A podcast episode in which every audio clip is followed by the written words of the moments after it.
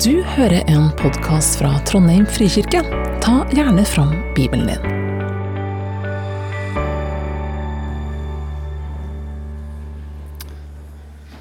Herre, du ransaker meg, og du vet.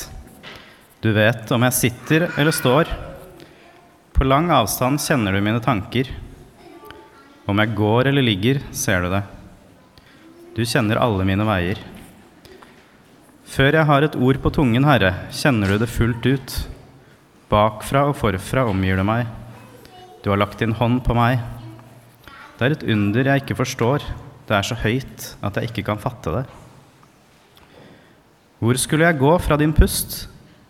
Hvor kunne jeg flykte fra ditt ansikt? Stiger jeg opp til himmelen, er du der. Legger jeg meg i dødsriket, er du der.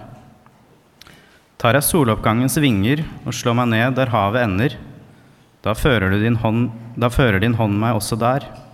Din høyre hånd holder meg fast. Jeg kan si, la mørket skjule meg og lyset omkring meg bli natt. Men mørket er ikke mørkt for deg. Natten er lys som dagen, mørket er som lyset. For du har skapt mine nyrer, du har vevd meg i mors liv. Jeg takker deg for at jeg er så underfullt laget. Underfulle er dine verk, det vet jeg godt. Denne talen kommer også til å egentlig være sånn at det handler ikke så mye om intelligens, men om hukommelse. Det er faktisk så enkelt stoff at jeg ikke har brukt bibelgruppa mi til å forberede meg. Det syns Toril var litt sånn spesielt, for det bruker vi å gjøre. Men overskrifta er 'Vi må huske hvem vi er'. Vi må huske hvem vi er. Og Det er kanskje ei rar overskrift, um, men jeg håper den skal få mening etter hvert. Og dere som vil tegne, dere må gjerne finne plass. Men som sagt, er det noen modige som har lyst til å sette seg her framme, så blir jeg veldig glad. Så jeg slipper å se bare på slekta som jeg har hatt involvert i forberedelsen. ja, vi starter iallfall med ei bønn. Gode Gud, jeg ber om at, at vi får lov å legge fra oss de tunge tingene som vi hadde med oss inn i dette rommet. Hjelp oss å fylle oss La, la, oss få fylle oss med de tankene du har. Takk at du kjenner oss, og du ser oss. La oss få puste ut alt det vanskelige. Og puste inn din godhet, din nåde.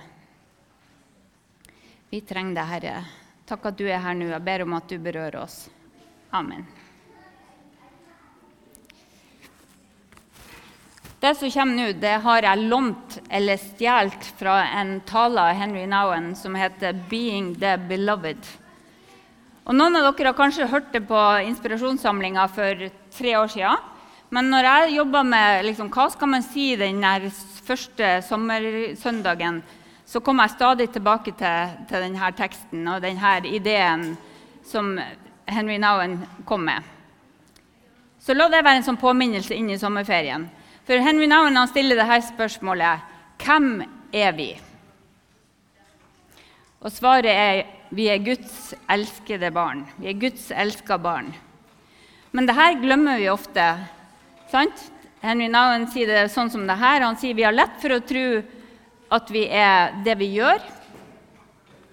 Jobben vår, prestasjonene våre, hva vi er flinke til, kompetansen vi opparbeider oss. Eller så er vi det vi har. Pengene våre, eiendelene, hytta, bilen, følelsene kanskje. Og så tror vi at vi er det andre sier om oss. Altså ryktet vårt, om folk liker oss. Passer vi inn? Så vi tror at vi er det vi gjør, det vi har, det andre sier om oss. Og Hvis dette er fundamentet for hvem vi tror at vi er, så går stemninga eller livsgleden sånn som det her. Da går den i sikksakk.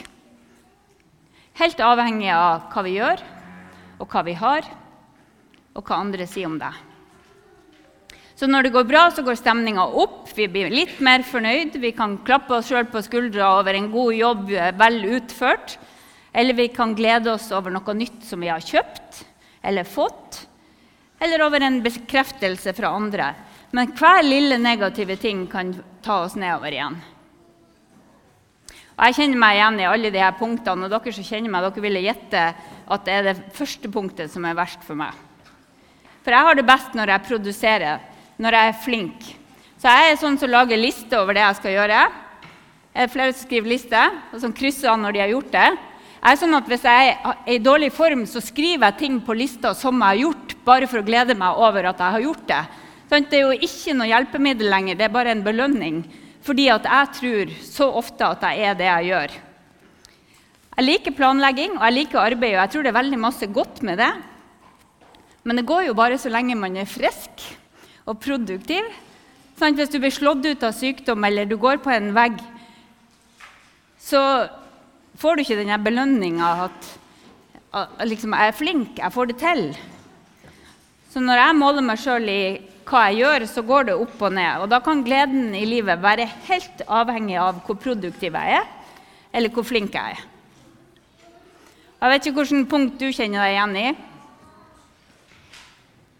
Men hvis du måler hvem du er, eller verdien du har, i ett av disse tre punktene, da er du ganske sårbar. For følelsene vil gå opp og ned. Og energien din kommer til å gå til å prøve å kontrollere disse tingene sånn at du ligger over streken, eller holder hodet over vannet. Men husk at vi trenger ikke å leve sånn. Vi trenger ikke å leve sånn. For du er ikke det du gjør, eller det du har, eller det andre sier om deg. Du er Guds elska barn. Du er elska av Gud. Det er det du er. Du er faktisk elska enten du føler det eller ikke. og det skal jeg komme tilbake til. For dette er en sannhet. En sannhet fra høyeste hold, fra skaperen sjøl. Du er Guds elskede barn. Og Dette er den sannheten Jesus levde ut ifra. For Da han ble døpt, så kom det en stemme fra Den hellige ånd kom over han, og en stemme sa det her verset. Det her er min sønn, den elskede. I han har jeg min glede. Det her er min sønn, den elskede. I han har jeg min glede. Og har du tenkt på det at de her ordene fikk Jesus høre før han gjorde noe som helst? Dette er helt i starten av tjenesten.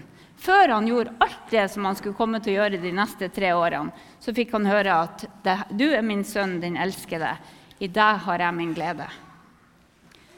Og når Jesus rett etter dåpen blir leda av Ånden ut i ødemarka for å bli frista av djevelen, så utfordres han på akkurat de her tre punktene. Hvem er du? Hva har du? Og hva syns folk om deg? I Matteus 4 så sier djevelen til Jesus Si til de her steinene at de skal bli til brød. Altså, Vis oss hvem du er. Gjør det du liksom kan gjøre, du som er Gud. Neste punktet som djevelen sier, han sier er du Guds sønn, så kast deg ned herfra. Så får vi se om det er sant det englene sier om deg, nemlig at skal, de skal komme og bære deg. Og Den siste fristelsen det er alt det her vil jeg gi til deg. Det står at de er oppe på toppen av et høyt, høyt fjell, og djevelen viser Jesus alle verdens riker og herligheter. Så sier han alt det her vil jeg gi til deg dersom du faller ned og tilber meg. Så fristelsen er du kan få alt det her. Du er det du har. Hvis det definerte Jesus, så ville han ha takka ja. Men Jesus sier at dette er løgn, fordi han vet at han er Guds sønn, den elskede, og i han har Gud sin glede. Så Jesus starta tjenesten med denne identiteten, denne sannheten, og den holdt han fast på de tre neste årene. Og så er det sånn at det som blir sagt om Jesus, det er også sagt om deg. Du er elska fra før du ble født. Sånn som vi hørte i Salme 139, som, eh, som vi fikk lest. Du er hans elskede. Og Hvis du lurer på hvor ellers i Bibelen det står, så kan du søke det opp, eller jeg kan gi deg noen tips. I 1. Johannes 3,1 så står det Se hvor stor kjærlighet Far har vist oss vi får kalles Guds barn. Ja, vi er det. Se hvor stor kjærlighet Far har vist oss. Vi får kalles Guds barn. Ja, vi er det. Så det som er sagt om Jesus, som var Guds sønn, det er sagt om deg. Du er Guds barn. I Johannes 15, 9, så står det Som far har elska meg, har jeg elska dere. Bli i min kjærlighet. Så dette er en kjærlighet som gis videre. Som far har elska meg. Så du er Guds elskede. Og en annen plass der det står det er i Jeremia 31, 31,3.: Med evig kjærlighet har jeg elska deg, sier Gud til Jeremia. Så, nå har jeg gjentatt det mange ganger, men hvis du har det her som en sånn grunnmur i livet ditt, sånn at du lever ut av denne sannheten, så vil det påvirke hele livet ditt. Det vil påvirke også det som fortsatt vil gå opp og ned. For når du husker at du er elska, så kan det gjennomsyre og fargelegge alt det andre. Hele denne sikksakken som vi er prisgitt på mange vis. Men så er det jo ikke lett å huske. Følelsene kan lure oss, og omstendighetene når vi ser oss rundt, de kan jo virkelig få oss til å stille spørsmål med om det er sant. Så vi kommer til å glemme, og derfor trenger vi noen påminnelser. Sånn at vi kan huske at du er Guds elska barn. Jeg er Guds elska barn. Jeg er Guds elska barn. Jeg er Guds elskede barn. Sånn kan vi holde på og minne oss om det Uh, og En av de som jeg leser, leser, og hører mye på for tida, det er han Pete Gregg. Til, hvis dere trenger ei bok til sommeren, så har jeg lyst til å anbefale denne. Denne heter 'God on Mute', eller Gud, Gud, på lydløs'. Jeg tror den bare finnes på engelsk, men jeg skal fortelle dere litt mer om den. Han Pete Greg han har skrevet bøker om bønn. Han starta ved et uhell en bønnebevegelse som heter 24-7 Prayer. Eh, han vet ikke helt hvordan han endte opp med å drive med bønn, men han forteller masse fantastiske historier om hvordan Gud svarer på bønn. Men så har han skrevet denne boka 'God on mute'. Gud på lydløs. Og Pete er en av de som kan snakke troverdig om det her med å leve sammen med Jesus i det virkelige livet, som går opp og ned. Eh, for 20 år siden fikk kona til Pete påvist en, en diger hjernesvulst når, eh, syv uker etter at sønn nummer to var født. Eh, og hun ble operert, så det gikk forholdsvis bra. og De tenkte at her er bønnesvar, og uka etterpå så får hun en forferdelig epilepsi som har vart i 20 år, der hvert eneste anfall kan bli det siste, den siste minuttet hun lever. Så de har levd med ekstrem usikkerhet. Og han, Pete sier det at jeg har levd med eh, ubesvarte kona, eh, bønner for kona mi samtidig som jeg har sett Jesus gjøre mirakler i andre sine liv. Så i 20 år har han bedt hver eneste dag om at hun skal bli frisk. Så hvordan forholder vi oss til Gud når det blir stille ifra han? Når Gud ikke svarer på selv de beste bønnene. For når du har ei mor til en syv, gammel, syv uker gammel baby, så tenker du at det her må jo Gud ville. Kan jo ikke forstå noe annet. Og så ser han ut til å svare på andre sine bønner, på sånne enkle bønner. Jeg bruker å irritere meg over at Gud fikser knær.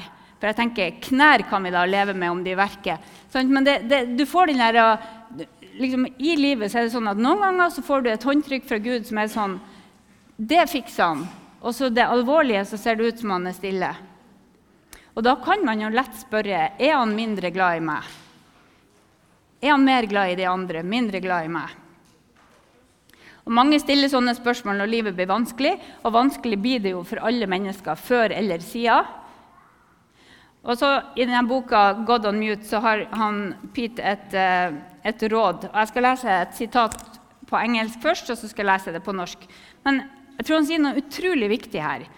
Um, han sier «When we are scared and hurting, when life feels chaotic and out of control, it is more important than ever to anchor ourselves in the absolute and eternal truth that we are dearly loved and deeply held by the most powerful being in the universe.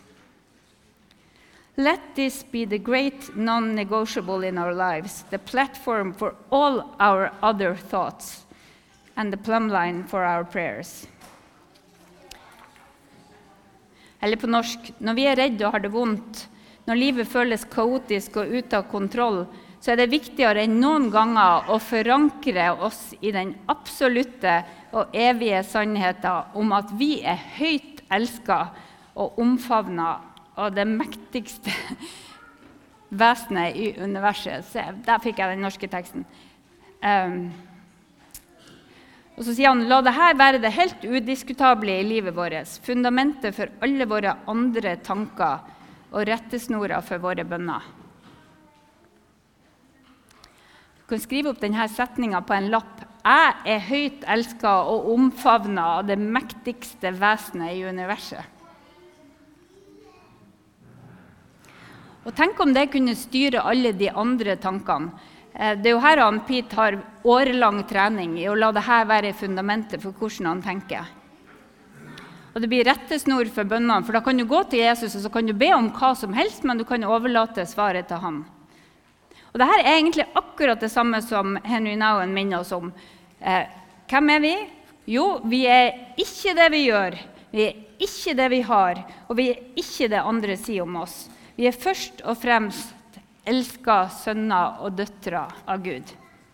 Vi er skaperens elskede barn. Det er det vi er. Du er Guds elskede. I deg har han sin glede. Og så unngår du ikke motgang, men du er elska og omfavna av Gud i alt det var, ingen, eh, det var, Helge som sa det her for et par uker siden, at noen ganger så bærer han deg. Han er like glad i deg enten du går ved siden av eller han bærer deg. Men Gud er en Gud som holder deg når det trengs, og han holder deg og leder deg. Og så er det jo enkelt å gi opp og bli bitter når ting blir vanskelig. Særlig når man kommer til min alder og du begynner å se at ok, kanskje det beste allerede har vært, og så blir man liksom ser framover, og, og, så er man skuffa over noen ting, og så er man takknemlig for noen ting. Men man kan bli bitter når det blir vanskelig. Og noen blir sjalu, og noen blir sint, og noen slår tilbake. Men hvis du minner deg om at du er elska, så blir du friere til å elske andre. Jeg vet ikke om du har erfart det, men hvis du minner deg om at du er elska, så er det lettere å elske andre. Og I stedet for å forvente at alle de andre skal oppfylle mine behov og ønsker, så er jeg fri til å gi av det som jeg har fått. Men så er det veldig mange som sier at det er vanskelig å tro at de er elska. De føler det ikke. Og Hvis du har det sånn, så er du ikke alene. Eh, det kan være mange grunner til at man ikke kjenner det og ikke helt tør å tro det. Men la oss gjøre et eksperiment. Kan ikke dere se dere rundt i salen? Se, dere litt sånn, se hvem som sitter bak dere og på sida. Kikk litt rundt i salen. Ser du noen som ikke er elska av Gud? Så da er du kanskje unntaket, da? Nei, du er ikke et unntak. Jeg tror 50% sier at det er vanskelig å tro at jeg elsker Gud. Så dere er i godt selskap, og dere er ikke unntaket. Hjemme hos oss er vi sånn halvparten tror de er elska, andre halvparten tror det ikke. Så det, er, det, er, det, er, bare at dere trenger flere påminnelser om det som er sant. Fordi at det er sannhet, ikke en følelse. Men hvis du husker at det er sant, så kan det bli en følelse.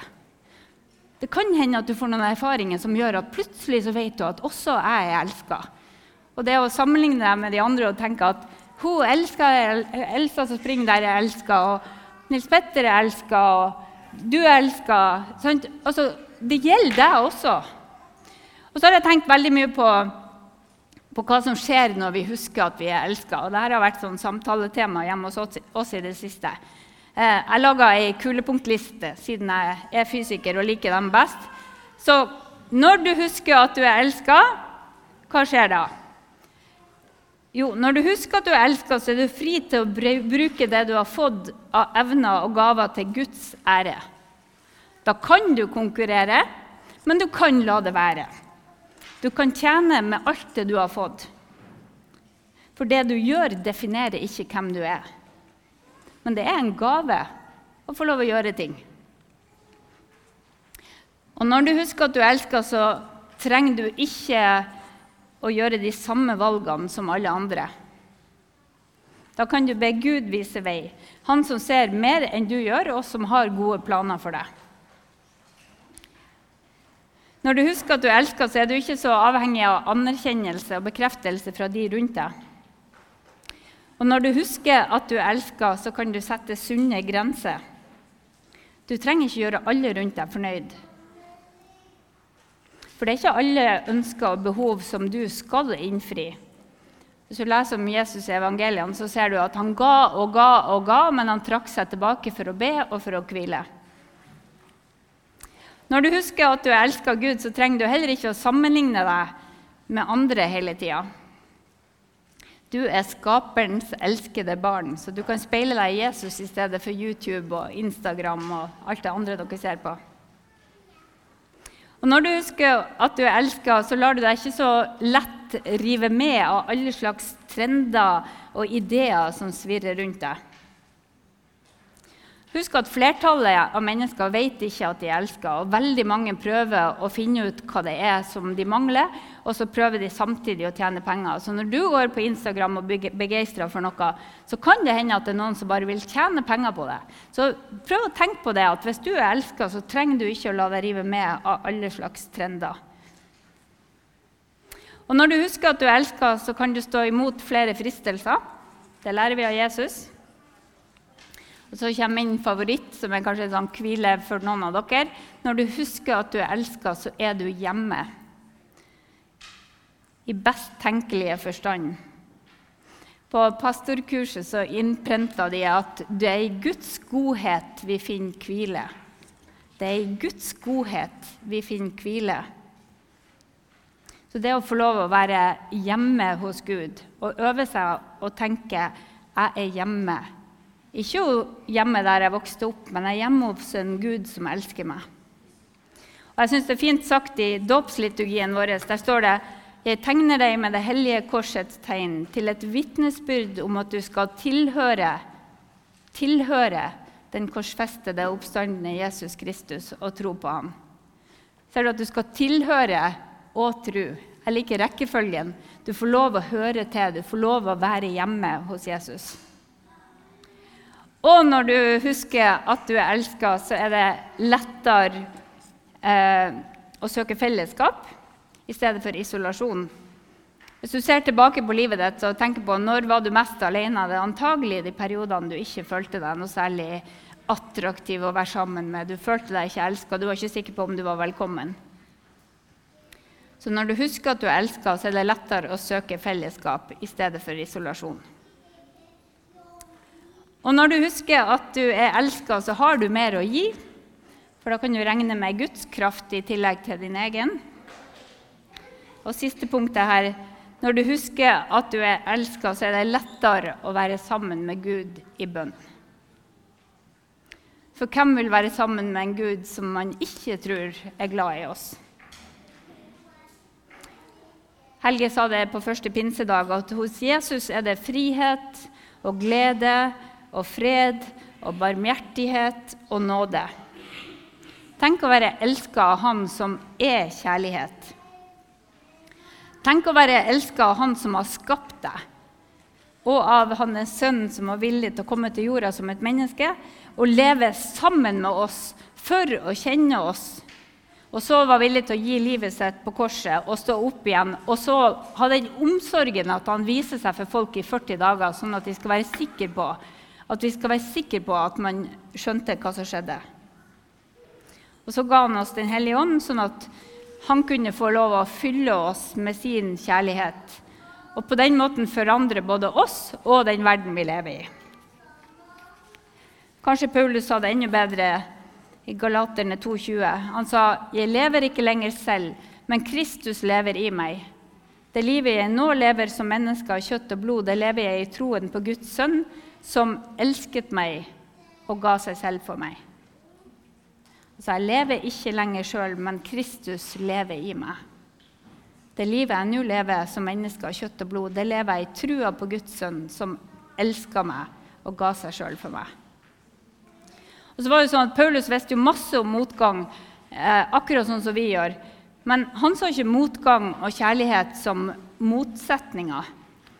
I Romerne 8,38 så står det For jeg er viss på at verken død eller liv, verken engler eller krefter, verken det som nå er eller det som kommer, eller noe makt, verken det som er i det høye eller i det dype, eller noe annen skapning, skal kunne skille oss fra Guds kjærlighet i Kristus Jesus, vår Herre. Paulus hadde levd et liv med opp- og nedturer, men han ser tilbake på alt det vonde, alt han hadde opplevd, så konkluderer han med at ingenting, ingenting, ikke piskeslagene, ikke fengselet, ikke forlisene, ingenting kan kunne skille oss fra Guds kjærlighet i Kristus Jesus, vår Herre. Og Her kunne jeg selvfølgelig ha stoppa talen, for alle liker å stoppe på dette verset, men jeg skal gi dere ei utfordring. Og det er en utfordring som er like mye til meg som til dere. Eh, for jeg har lyst til å utfordre deg til å gjøre plass for Jesus, for Gud, i ferien din. Jeg vil oppfordre deg til å sette av litt tid sammen med Han. Søke litt tid i stillhet og bønn hver eneste dag i ferien. Ikke ta ferie fra Jesus. Tvert imot, kanskje du har mulighet til å gjøre det når det er ferie. Eh, og hvis dere bor flere i samme hus, så kan dere jo avtale at nå er det din tur å ha litt stillhet. nå er det min tur. Finn et sted som fungerer. Det kan være i bilen med full nedkjøling. Eller det kan være på trappa i sola. Det kan være på badet. Det er ikke nøye hvor det er hvis det bare fungerer. Finn et sted der du kan være alene en stund sammen med Jesus. Og så har jeg lyst til å utfordre deg til å tenke på hva er det som driver deg. Hva er det som gjør at det går opp og ned i ditt liv? Er det det, det du gjør? Er det det du har, eller skulle hatt, eller må betale for? Er det hva andre tenker om deg? Tenk gjennom det sammen med Gud, og la han få minne deg om hvem du er, og hvem han er. Så kan dere la Bibelen ligge åpen, sånn at dere husker at denne kan leses. Den kan leses når som helst, akkurat som de andre bøkene eller eh, tingene du har lyst til å se på på iPaden. Sommeren kan bli ei tid for påfyll hvis du planlegger det. Både sammen med andre og alene med Gud. For evangeliet er at Jesus kom for å finne oss og kjenne oss og elske oss. Han kom for å finne deg og kjenne deg og elske deg. Og Hvis du lar han gjøre det daglig, så vil det helt sikkert endre måten du lever denne sommeren på. Det vil endre måten du tenker på, ja, det kan til og med hende at det endrer følelsene dine. Så Jesus kan hjelpe oss til å forankre livet, sånn som han sa, han, eh, han, eh, Pete Gregg, i den absolutte og evige sannheten om at vi er høyt elska og omfavna av det mektigste vesenet i universet. Jeg leita etter et annet ord for vesen, men det måtte vært skapning. Men Gud er jo før alle ting, så han er det mektigste vesenet i universet. Og han vil være i lag med oss. La det være rettesnora for alle bønnene våre. Så Jeg skal be en velsignelse over dere før vi går inn i responstida. Da kan dere reise dere opp.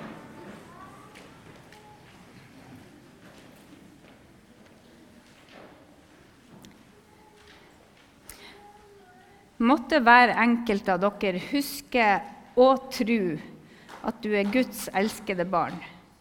Du er ikke det du gjør, du er ikke det du har, og du er ikke det andre sier om deg. Du er Guds elskede barn, og i deg har Han sin glede. Amen.